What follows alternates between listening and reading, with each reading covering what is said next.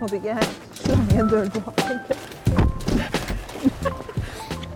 Endelig, Kristel, på gang med ny sesong. Whee! Yes, jeg gleder meg skikkelig. Eh, Denne gangen, I denne sesongen så skal vi altså hjem til gjestene våre eller på arbeidsplassen deres. Ja. Vi skal ut av podrommet. Mm. Så nå sitter vi i bilen her med mikken på og er klare for å treffe vår første gjest i ny sesong, som er Det er Solfri Flateby, og hun eh, var jo den som var top of mind når vi skulle endre konsept.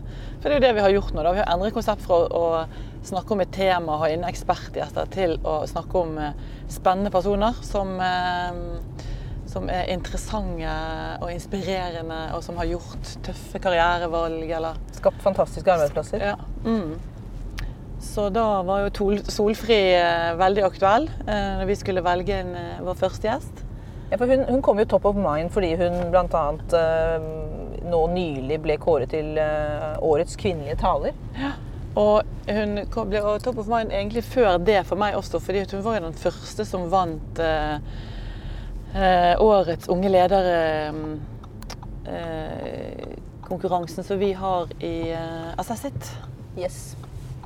Og så er jeg veldig spent på å snakke med henne om eh, altså veien fra det å være HR- og kommunikasjonsdirektør i, flere av Norges største selskaper som Coca-Cola og Reitan eh, til å gjøre så drastisk karrierevalg som hun, hun eh, gjorde da, for noen år bli siden. selvstendig. Ja. Bli selvstendig. Ja, det er modig, tenker jeg. Veldig modig.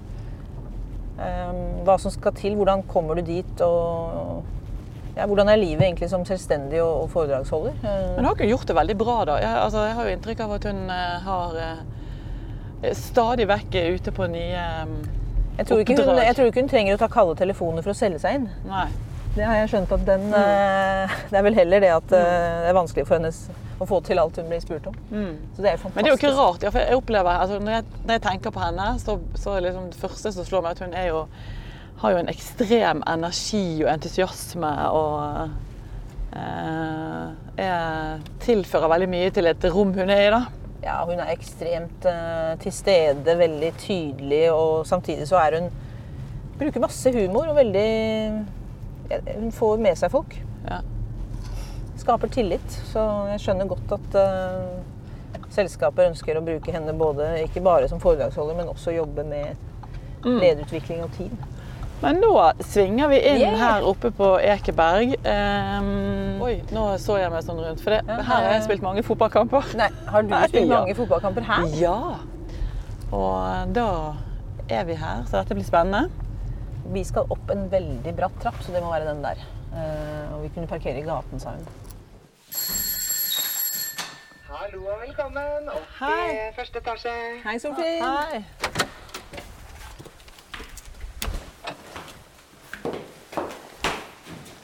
Velkommen. Takk. Så hyggelig, Egil. Skal vi se. Bare kom inn. Ta, nei, ta skoa inne. Hei.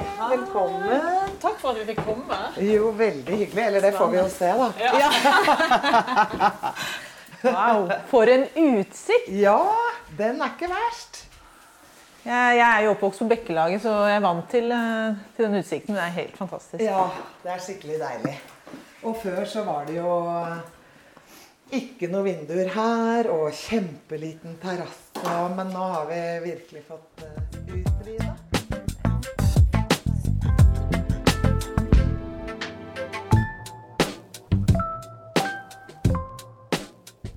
Vi, vi snakket jo om deg i bilen oppover, da, Solfri. Og det jeg sa, at det første jeg tenker på når jeg tenker på Solfri, er jo den enorme energien og engasjementet du har. Ja.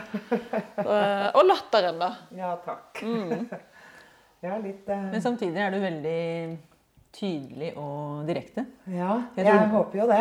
Jeg tror det er den kombinasjonen som gjør at du bl.a. blir kåret til eh, årets eh, kvinnelige taler. Ja, jeg, jeg, jeg håper jo det. Og det her med energi, det er jo litt sånn tvega sverd, det å ha mye energi. Fordi man, det skal jo være en balanse i regnskapet. Det er jo mye av det som er mitt mantra. Det her med liksom å være godt kjent med seg sjøl og evne å justere atferd. Det er jo mye av det jeg er ekstremt opptatt av. Ja. Mm. Så det er jo den evnen og viljen da, til å reflektere over egen atferd. Ja, og evne og vilje til å teste og prøve. Og da kommer risikoen for å mislykkes også. og den er jo Den er hår for mange, da. Mm. Vi har jo trent litt på det med å gi hverandre tilbakemelding. Tar, altså Feedback-trappen. Hvordan, eh, hvordan, tar man imot tilbakemelding? Ja. Det, den, er, eh, den, gir jo noen uh, vekkere. Ja, og jeg tyner jo mange både hos deg og hos andre steder og meg sjæl på det her med hva gjør jeg når jeg får tilbakemelding. Det her med å forklare seg og forsvare seg. Og særlig disse eviglange forklaringene. Det er det jo fantastisk mange som er utrolig gode på. Og Hva skal man gjøre da? Hva er liksom de beste lederne, hvordan tar de imot tilbakemelding? Ja, jeg tenker at altså, Hun derre Navarsete hun prøvde jo å ødelegge for noen år siden dette her med 'Beklager at du har opplevd meg sånn'. Mm, ja. Eller 'Beklager at det er sånn du, du oppfatta meg'. Jeg syns den er god. Det syns den er god. Mest av alt så syns jeg det er kjempebra når man sier eh, 'beklager'. Og i, i liksom minste minimum eh, hos meg, det er jo å si at jeg skal tygge litt på det. liksom. Takk skal du ha. Eh, takk for at du kanskje, sier ifra. Ja, for Man må kanskje tenke at, um, at, man får feedback eller tilbakemelding med gode intensjoner. da. Mm. Sånn at det ikke er kritikk, men at det er ment som uh, et, uh, noe som skal hjelpe deg til å bli bedre. Ja, og så tenker jeg at uh, det er helt OK med kritikk òg. Mm. Det er helt greit. Når folk syns at jeg er for mye eller for vrang eller for vanskelig eller bruker feil metoder og vil gi meg kritikk for det, det er helt OK. Og så velger jeg jo sjøl om jeg vil hensynta det videre eller ikke. Mm. Men uh, det hjelper fint lite at man forklarer seg så mye. Og så, folk sier veldig ofte at ja, men det er ofte en veldig god forklaring. Men opplevelsen til den mm. som gir deg tilbakemeldingen, er jo at du ikke tar imot. Yes, og da tenker jeg at du, Det som er risikoen, er at man slutter å få tilbakemelding. Det er akkurat det. Man tenker at det, det er ikke noe vits å prøve. Mm.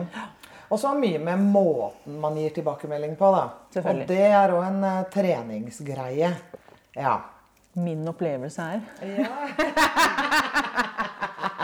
men samtidig, da.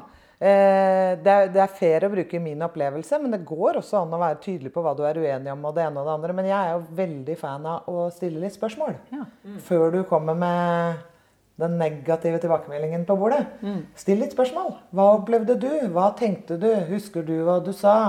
Husker du hvordan jeg svarte? Hva, hva mente du egentlig? Hva lå bak? Bla, bla, bla. For da får man jo mye informasjon som regel som kan kanskje gjøre at den personen også tar imot tilbakemeldingen på en bedre måte. Ja, utvilsomt. Og så kan det jo hende Det skjer jo det jo en sjelden gang at man får litt opplysninger som uh, man ikke hadde klart å tenke ut sjøl. Mm. Så kanskje man til og med revurderer eget synspunkt. Det skjer selvfølgelig veldig sjelden med meg, men Nei da. Det, det, skjer ganske ofte. Ja. Jeg kjenner at jeg kunne sikkert brukt en hel dag på å snakke om det her, men vi må eh, skru litt tilbake til da du eh, begynte som eh, opplæringssjef ja. for Hakon-gruppen. Mm. For hva, hva, skjedde da videre i karrieren din da? Mm. Eh, kan du fortelle litt om eh, hvor lenge du var der, og hva på en måte dine neste steg var? Ja, Jeg var opplæringskonsulent, da, bare så ikke han som var sjefen, ble snurt på meg. Ja, opplæringskonsulent. Unnskyld. Ja, nei, det bra. Men noen kan jo fort bli snurte for sånne ting. var det han som satt ved siden av deg? Eh, ja. I ja. Mm. Mm. Eh, da jobba jeg der i to år og syntes det var eh, veldig stas og gøy. Jobba med butikksjefer og det ene og det andre. Og så eh, Eh, fikk jeg en telefon og ble oppmuntra til å søke mm, opplæringssjefstilling i Coca-Cola. Wow. Ja. Og da Det er jo ikke et lite selskap? Nei. Veldig kul merkevare. Og det er et fantastisk system. Er så flinke folk, er så profesjonelle på alt. Og så der var jeg da i eh, åtte år. Da tok jeg flere kurs og programmer i kommunikasjon også. fordi jeg jobba jo da i HR og skulle bygge opp selgerskole og lederskole for Coca-Cola. Men så eh, hadde de en egen kommunikasjonsavdeling, men syntes at internkommunikasjon skulle ligge i HR. Og siden jeg er gammel norsklærer, så blei det til at eh, jeg tok det ansvaret også. Eh, og så tok jeg litt kurs og utdanning og sånn i kommunikasjon i tillegg. Og gikk da over etter hvert i kommunikasjonsavdelingen i Coca. Mm. For, det, eh, for, det, tenkte jeg litt på. HR eh, og kommunikasjon i samme stilling. så blir det, det er sikkert noe man liker best. Ja. Eller noe man får mer energi av. ja. Eh, og der er jo Og Hvis man skal se på din eh, karriere sånn sett utenifra, da, så, så, virker du veldig mye som en eh, kommunikasjonsperson. Mm. At det er det du har gjort mest. Mm. Det er i hvert fall sånn du har vært mest synlig. Og så, men nå har du spesialisert deg egentlig i HR-feltet igjen på en måte. Ja. Fordi du gir råd til ledergrupper og organisasjoner, driver med organisasjonsutvikling. Ja. Uh, ja, og det der har jeg lurt en del på sjøl. Uh, jeg tror jeg er litt uh, blond på det området òg. Jeg syns alt er gøy. det er ikke døra, det. Men det skal være sagt at hva angår kommunikasjon, mm. Så mener jo jeg at lederkommunikasjon bl.a. Mm. det handler jo så mye om folk og HR, det også. Mm. Og så er det ting innenfor kommunikasjon som jeg ble veldig trøtt av i eh, enkelte av jobbene, bl.a. det der mediekjøret. Da jeg jobba i Reitan. ikke sant? Ja, Det var hårdt og tøft og veldig gøy og veldig slitsomt. Og så det ting, er det ting innafor HR òg som jeg syns er kjempegøy, og som jeg brenner og gløder for. Og så er det vel eh, småtteri innafor det faget òg som eh, andre fikser bedre enn meg, og som syns mm. er mer interessante. Se her, ja. Nå lever kaffemaskinen sitt eget liv. Ja, så jeg, jeg syns både HR og kommunikasjon er kjempegøy, rett og slett. Og veldig mye av HR-faget går over i kommunikasjon. Dette her med fornøyde medarbeidere, employer branding, ledelse osv. Det handler så mye om ledelseskommunikasjon. Og ledelseskommunikasjon igjen innenfor kommunikasjonsfaget, internkommunikasjonsarbeidet, handler jo om å skape fornøyde medarbeidere, bedre arbeidsmiljø osv. Ofte ser man jo det er der kanskje medarbeidere vil ha mer. altså mer og oftere kommunikasjon, informasjon. Mm. Mm. Man kan nesten ikke informere nok. Nei, og, og, der mener jo jeg at en del ledere bommer litt i forhold til å ikke inkludere medarbeiderne i hva ønsker de seg egentlig veldig mange ledere, særlig av den litt sånn gammeldagse sorten, og de kommer i alle aldre, bare så det er sagt, de er veldig opptatt av eh, need to know i stedet for nice to know. Veldig mange medarbeidere er opptatt av nice to know. De vil ha mye informasjon, de vil følge med på ting som ikke nødvendigvis òg er relevante direkte i eget arbeid. Så, um, så, der er det en jobb å gjøre hos mange. Ja, Jeg fikk en uh, tilbakemelding i går faktisk fra en medarbeider som, som, jobber i Stavanger. Uh, var på besøk i Oslo. Vi tok en prat, og hun sa det at uh, hun ønsker seg enda mer informasjon ja. om hva som skjer. på en måte. I selskapet totalt. Ja, fordi at ja. Når du kanskje er en del av hovedkontoret, så får du automatisk mer informasjon. Ja. Men det er viktig å tenke på at vi er 15 kontorer. Det som jeg synes, eh, som leder syns er vanskelig, da, det er jo at uh, du føler du har sagt en ting to-tre ganger. Ja. Uh, og som allikevel så er det ikke alle som får det med seg. Så du føler at du bare går og repeterer repeterer, repeterer samme budskap hele tiden. sant? Ja, det har jeg hørt om deg. Nei da, jeg har ikke det. jeg bare tuller. Nei, og jeg tror at Jeg tror det er kanskje det man må gjøre. Ja, og så er det litt skummelt det der med at man er så nær seg sjøl. Mm. Og hører på en måte hva man sjøl har sagt. Og, mm. Men uh, jeg har trua på at vi får heller gjenta oss sjøl en gang for mye da, enn en gang for lite. Mm. Og ikke minst skreddersy kanaler som funker. Mm. Og hvor folk òg sjøl må ta et ansvar for å søke litt informasjon. da. Mm. Men uh, jeg tror ikke man skal være så redd for å gjenta seg litt. altså. Og kombinasjonen av altså det, det, som er viktig, må være skriftlig, kanskje. Og så kan man selvfølgelig ha noe som går på mer hvis man har noe muntlig eller ja, allmøter eller ja, Hvorfor må det være skriftlig? Jeg tenker Da kan jo folk gå tilbake og se hva var det som ble sagt. for ofte så De klarer ikke å ta inn over seg tror jeg, alt som blir sagt uh, i sånne mm. møter. Mm. Nei, Så er det jo alltid en og annen da, som er sjuk, eller som er et annet sted. Og, så det her med ja takk, begge deler. Men mest av alt ta utgangspunkt i ønskene til medarbeiderne. Hvilke kanaler funker? Hva slags type informasjon ønsker man hvor? Det der å inkludere skikkelig og involvere skikkelig på hvordan man skal tilpasse det der best mulig. da. Mm. Jeg har begynt med noe nytt uh, Q&A når jeg reiser rundt på kontoret. Ja. Istedenfor at jeg holder en prestasjon i en halvtime eller en time ja. om alt jeg tror de har lyst til å vite, ja. uh, så holder jeg Q&A de får gå, gå, sammen i grupper. Og så får de stille meg spørsmål om akkurat hva de vil. Så svarer jeg på alt de spør om. For da, da, får jeg, da, ja, da får de svar på det de vil. Og da er spørsmålene anonyme. Ja. Så det er fint, for det er jo ikke alle som kanskje du får ikke veldig mye suspekte spørsmål, jo, jo, jo. Er du singel? Ja, det spørsmålet har jeg eh, fått. men, men, eh, jeg tenker at det er helt topp når du er trygg nok i lederrollen Og på hvordan du håndterer svara på dette med hva er konfidensielt og ikke og sånn. Men det passer nok ikke nødvendigvis for alle. fordi det er sånn at det er en del ledere som syns det er vanskelig å snakke på allmøter og ha ord og deres på en måte personlighet er kanskje litt uh, skrudd sammen på annen måte, da. Så, men jeg syns det er helt topp, da, hvis man har selvtillit nok til det. Mm. Du, jeg har lyst til å skru litt tilbake til, eh, til din karriere igjen. Og Syns dine... du prater meg ut hele tida, eller? Vi kunne sitte her hele dagen. Um, I forhold til de ulike HR- og eller, direktørstillingene du har hatt, da. Mm -hmm. Hvilken, uh, hva lærte du mest av? Altså, hva lærte du mest av, de, av disse direktørstillingene du hadde? Ja. Mm. Um, det er egentlig fælt å si det, da, men uh, syns vel kanskje jeg har lært aller mest av de dårlige eksemplene jeg har uh, omgått med. De gangene jeg har gjort feil sjøl som leder. og nå har jeg vært borti ledere som har forvalta lederrollen sin på en mindre god Men hvilke, måte. Da må jeg bare gripe tak i. Hva, hva, hvilke, hva er det du har gjort feil, da?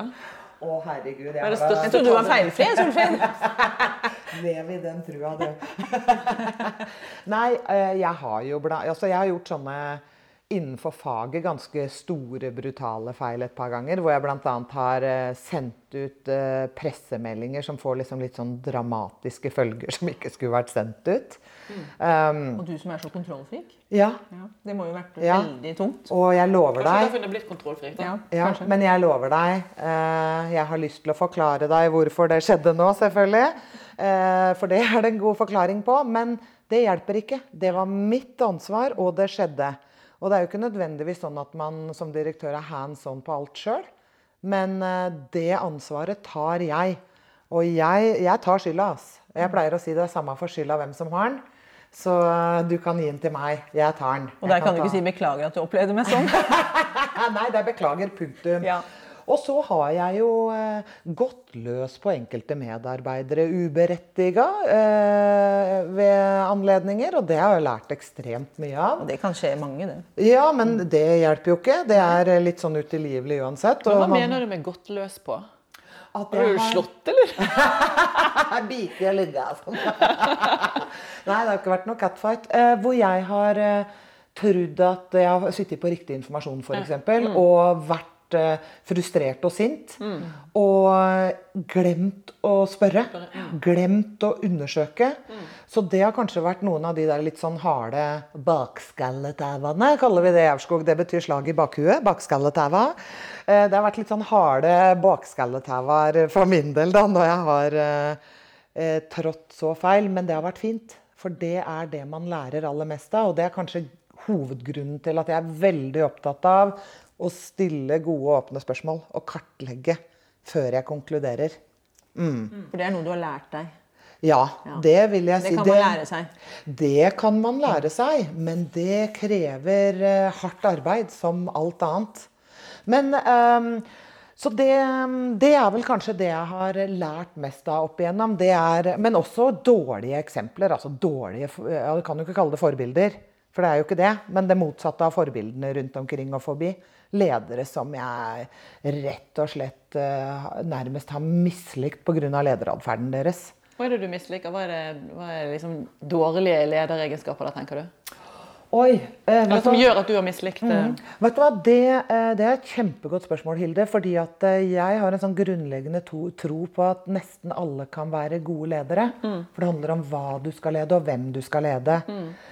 Men folk som eh, har lav integritet, mm. som bryter verdigrunnlagene i egne selskap, som gjør motsatt av det de sier andre skal gjøre, ikke holder det de lover og sånn, som går inn i det der integritetsbegrepet, det merker jeg at jeg går ned på liksom nullskalaen i forhold til respekt. Mm. Og jeg tåler veldig godt, syns jeg sjøl, at uh, ledere gjør feil, og at vi alle mennesker uh, er, er, sammensatte, og ingen er Jesus, pleier jeg å si. ikke sant? Vi har ting vi må jobbe med, alle mann alle.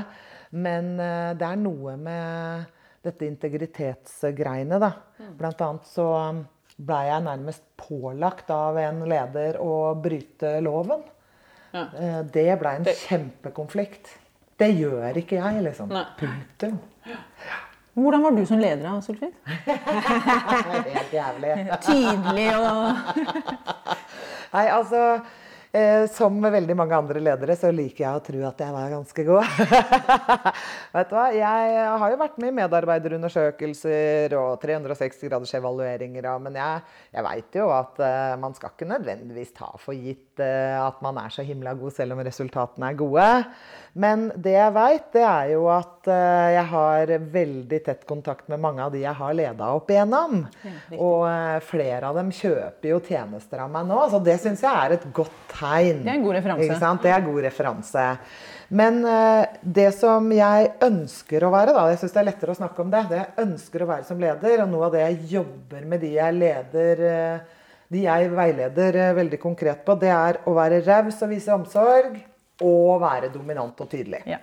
Det er de store ledestjernene. Og nesten all nyere forskning viser jo at eh, det er det man burde hige etter. Utfordringen er jo at det er litt sånn ikke-kompatible egenskaper. For hva betyr det i praksis? Det betyr jo at man eh, er litt sånn uredd i å ta ledelse, og man kjenner ansvaret sitt. Og man er tydelig når det trengs. Det betyr at man kan ta tyren ved hornene. Og så er det jo metoder man bruker og alt det der. Men det med å være målfokusert og litt resultatorientert ligger jo også innenfor de parameterne litt. Dominantheten og tydeligheten.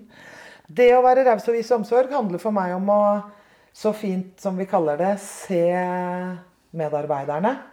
Så enkelt, men så vanskelig for noen. Ja, kanskje. og da må vi jo ned i atferd igjen. Hva gjør ledere? Og jeg pleier jo flåsete sagt å si at det handler ikke da om at du kjøper deg nye briller. ikke sant? Det er flåsete sagt. Men ve veldig mange ledere de er opptatt av ja, vi må gi tillit og vi se medarbeiderne. Men det er ikke så innmari lett for lederne vi leder igjen da, å forstå hva det faktisk betyr. Hva gjør jeg for å vise mer tillit? Hva gjør jeg for å se medarbeiderne? Og det handler om veldig mange ting. Det handler om informasjon, involvering, inkludering, tilbakemeldinger på godt og vondt. Det å bry seg på en ekte måte, bli kjent litt med menneskene bak det profesjonelle jeget osv. Så, videre. så det er veldig sammensatt. Men du må ned på atferd innenfor alle disse tingene. Men jeg drømmer jo om at jeg er både tydelig og litt raus, da. Når du sier raus, omsorg, dominant og tydelig, så tenker jeg dominant er kanskje litt sånn uh, ja, ja, det hadde ikke jeg forventet at du skulle, jeg hadde ikke forventet at du skulle si det. fordi jeg, uh, jeg opplever at man liksom i ledelseslitteraturen uh, lærer at folk skal få påvirke selv. da. Ja, ja. Så hvis du blir for dominant, så får jo ikke folk komme med sine syn på hvordan ting skal gjøres. da. Hva, liksom, hvordan, Balanserer hvordan man balanserer man det? Ja, og det er jo nettopp nøkkelen i det. Det er balansen. Fordi hvis du er veldig inkluderende og gir folk fullstendig autonomi da, og selvbestemmelse etc., så er jo litt av problemet at det kan være en lang vei til beslutning. Og det er av og til sånn at beslutningen må komme fort. Ja. Da må du evne å skjære igjennom. Det er jo ikke alltid gruppa di er enig i, f.eks. Og den dominantheten, og Ja. dominant i min verden, er et like positivt ord som alt annet. Det er en positiv egenskap i min verden. Gjennomføringskraft og beslutninger og Det, det handler om det, og, og i min verden handler det nettopp om det. Og det her om å styre gode prosesser Du må jo evne å, å ta grep for å gjøre det, men alt handler jo om hvordan du utøver på en måte den dominantheten, da. Men du var jo lenge i Coca-Cola, og så gikk du til Reitan. Hvor lenge var du der? Seks år i Reitan. år, ja. Fantastiske år, altså. Reitan. Der lærte jeg òg fantastisk mye, rett og slett. Hva var det morsomste med, med Reitan? Åh, det var eh, de ekstremt korte beslutningslinjene. Og de jobber jo så verdidrevet. Der får du ansvaret, og så må du bare ta ansvaret. Oi, det er Og- interessant. Fortell. Ja, nei, de er jo På administrasjonsnivå er de jo veldig, veldig få. Og det betyr at hver enkelt får utrolig stort ansvar og stor beslutningsmyndighet. Alt går sånn, liksom. Som å knipse i fingra. For det er jo et stort konsern. Ja, det er kjempestort. Sju land omsetter nå for eh, Å herlighet, hvor mye blir det? 100 milliarder? Ja. Har en båndlinje på 3 milliarder ish i året. Det er helt eh, vanvittig. Ja, det er helt vanvittig svært og bra. Men Odd Reitan er jo en veldig verdibasert leder. Og gir folk ansvar og myndighet. Men det er òg et hardt liv der. Man jobber ekstremt mye, og sånn mediemessig de, ja, det, Så det, det, var hardt, men det var veldig moro og utrolig mye flinke folk. For det å være verdibasert er jo krevende. Ja. Det å virkelig leve det, da. Mm -hmm. hva, hva, skal til, eller hva, hva, liksom, hva, er nøkkelen? Det er jo nettopp det her med tillit. Å gi slipp på mye av egenkontroll, tenker jeg at det er for mange ledere veldig utfordrende. Eh, både pga. personligheten deres, men også fordi man erfarer jo av og til at man gir folk tillit, og så går det litt galt. Og vi er jo veldig flinke til å lære av mindre gode erfaringer. Men de er ekstremt dyktige på å gi tillit. Men du må jo forvalte det bra, da.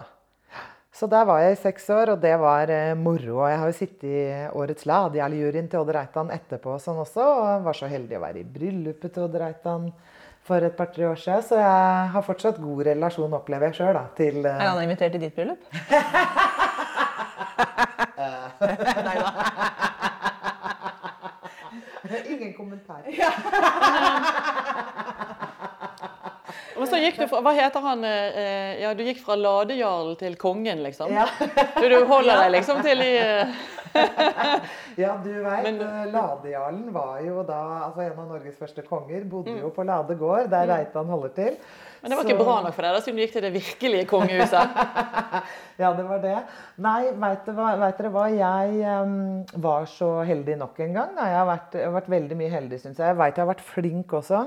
Jeg jobba ekstremt hardt, men jeg har også vært heldig.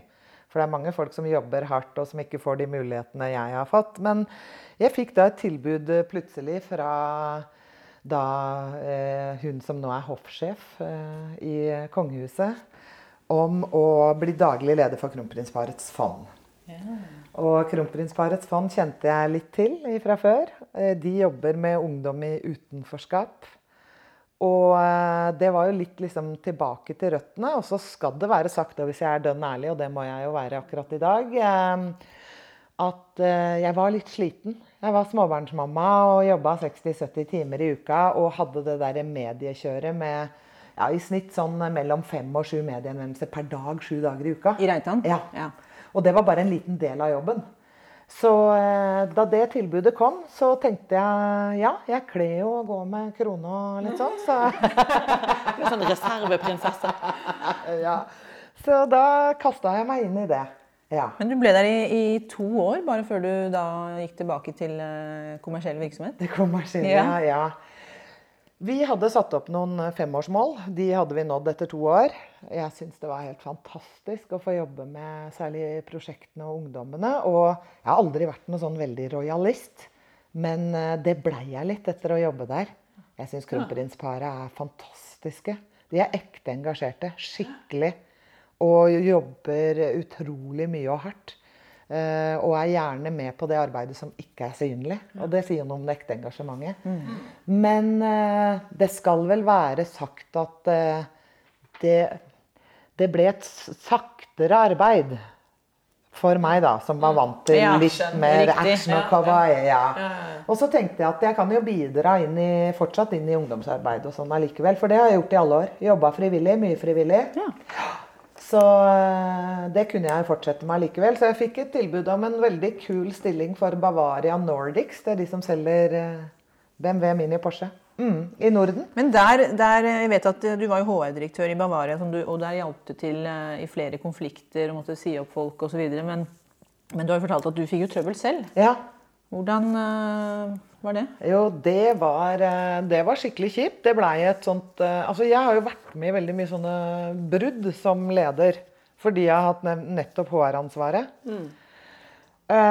men så plutselig sto jeg oppe i en sånn type konflikt sjøl. Kom ny konsernsjef. Vi matcha ikke i det hele tatt.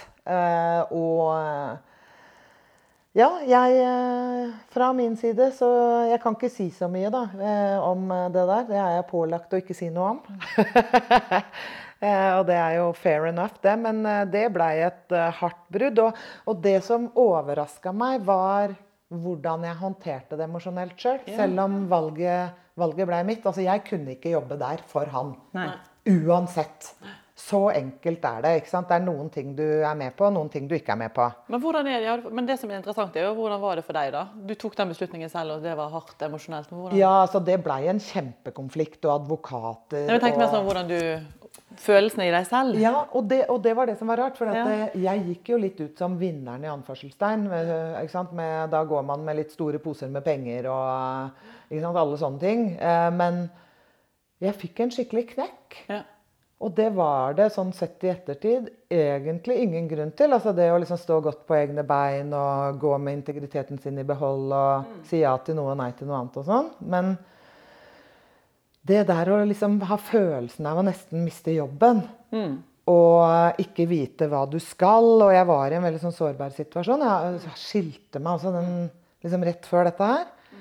Så, og det var ikke så lett for meg da å liksom se hvordan jeg skulle legge kabalen. da, Så jeg, jeg, blei, jeg, jeg fikk en skikkelig knekk, altså. Sov ikke om natta og hadde kjempedårlig selvtillit i noen måneder. Og, så det var eh, kjipt. Men du hadde jo alle disse HR eh, Du hadde jo all mulig kompetanse til å hva skal jeg si, Du har gitt råd til mange som har vært i samme situasjon selv. Brukte du rådene på deg selv? Ja. Brukte du kunnskapen på deg selv da, når du var i den situasjonen? Jeg pleier mest å bare si til andre hva de skal gjøre. Nei.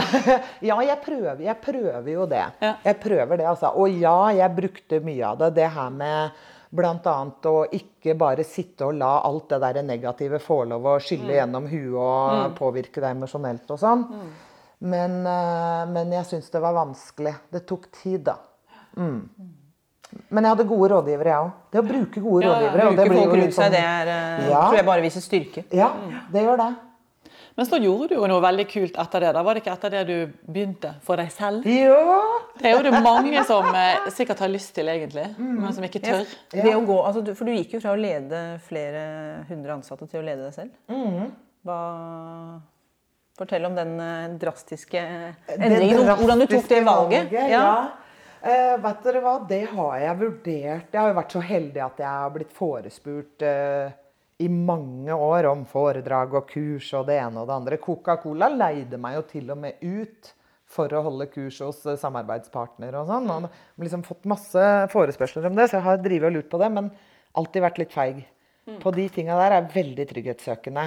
Mye på grunn av Ja, det blir jo en forklaring. Men uh, litt sånn økonomi og barn og Ja, ja, men De fleste trenger jo forutsigbare inntekt. Ja, det er akkurat det. Men noen er jo litt uh, mer gærne enn andre. Og jeg tror jo at jeg kunne ha lykkes med dette altså for 10-15 år siden. Hvis jeg bare hadde turt. Hva var det som gjorde at du turte denne gangen? da? Det var jo Ja, det er litt sånn kjipt. Jeg burde hatt en kulere forklaring, merker jeg.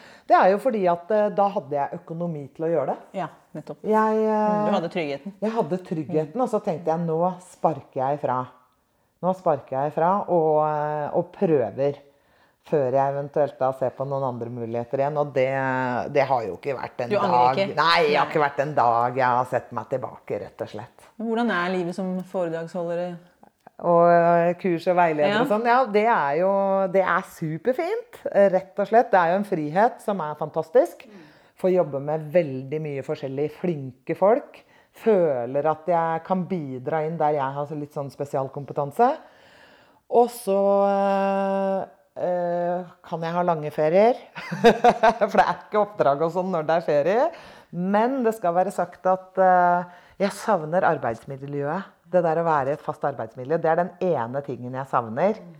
Men jeg får jo lov å jobbe med noen folk og selskap over lang tid, så da får jeg liksom tilfredsstilt litt av det likevel, da. For du gjør jo mer enn å bare holde foredrag. Ja, det gjør jeg. Jeg holder veldig mye lederutviklingsprogrammer. Jobber med selskap over tid. Og så holder jeg mye workshop, prosess. Og så er jeg også coach og mentor for noen eh, spesielt utvalgte som jeg syns er kule folk. Hvordan har du valgt ut de?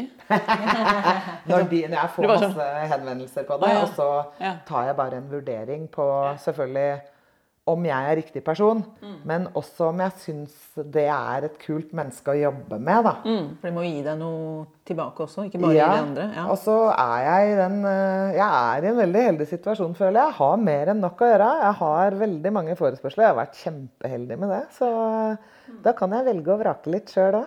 Det første året gjorde jeg jo ikke det. Da jobba jeg jo døgnet rundt og jobba med litt sånn døve prosjekter og sånn, som jeg ikke trenger. Nei. Så det er jeg blitt flinkere på til å justere. Ja. Og så vant du, og så ble du årets taler. Gratulerer.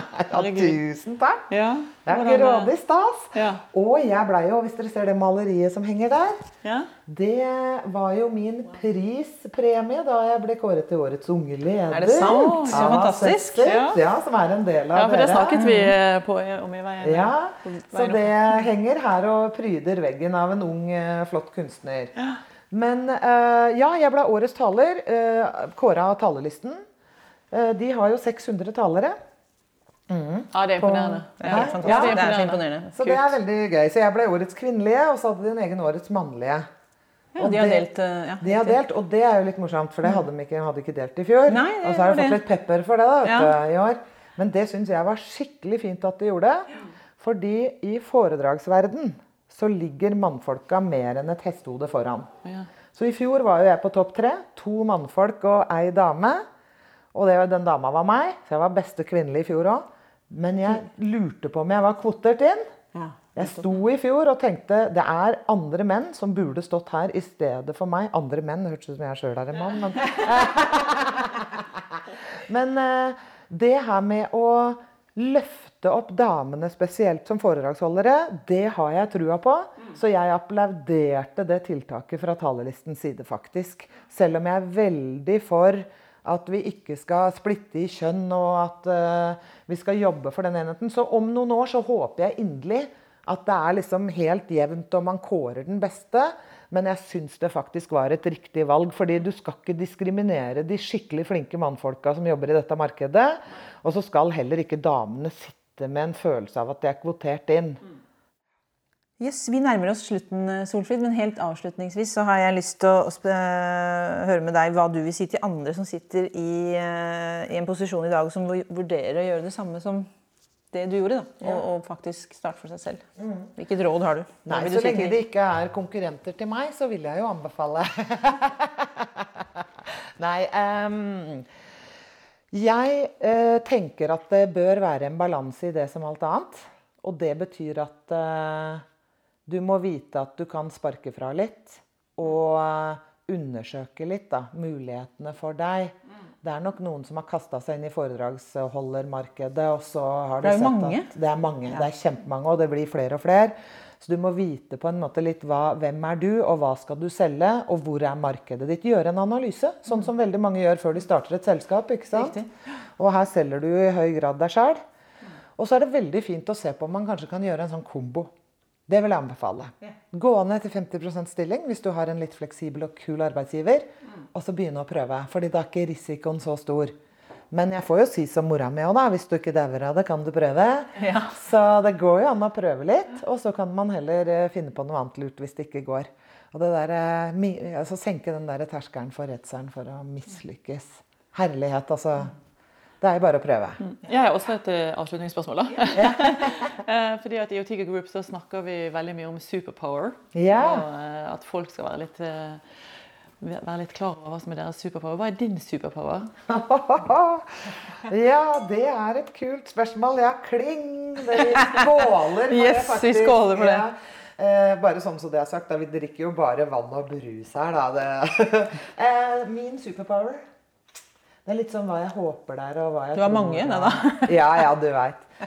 Jeg eh, tror det er å få folk til å føle seg verdifulle. Mm. På ulike arenaer, ulike folk. Eh, Det tror jeg er skikkelig god på. Det kan jeg si meg enig i. Det var en veldig fin mm. Du er veldig god til å se Du er veldig god tilstedeværelse. Mm, jo, takk. Og det, for meg så handler jo det om å lytte, men også stille spørsmål. Det å gi mye gode tilbakemeldinger. Men det også å gi folk velmenende og gode input på hva de kan gjøre litt annerledes. Det var en bra avslutning. Veldig. Og jeg, jeg, eh, jeg gleder meg til å spise disse bollene nå. Jeg har sittet og sikla på mine egne boller nå. Men takk for at vi fikk lov å ta morgenkaffen hos deg, Solfrid. Eh, Og det har vært veldig inspirerende å prate med deg. I like måte. Takk for alt du har delt med oss, eh, og takk for at du lyttet. Så høres vi igjen om ikke altfor lenge Yes. til eh, en ny episode av Uten filter.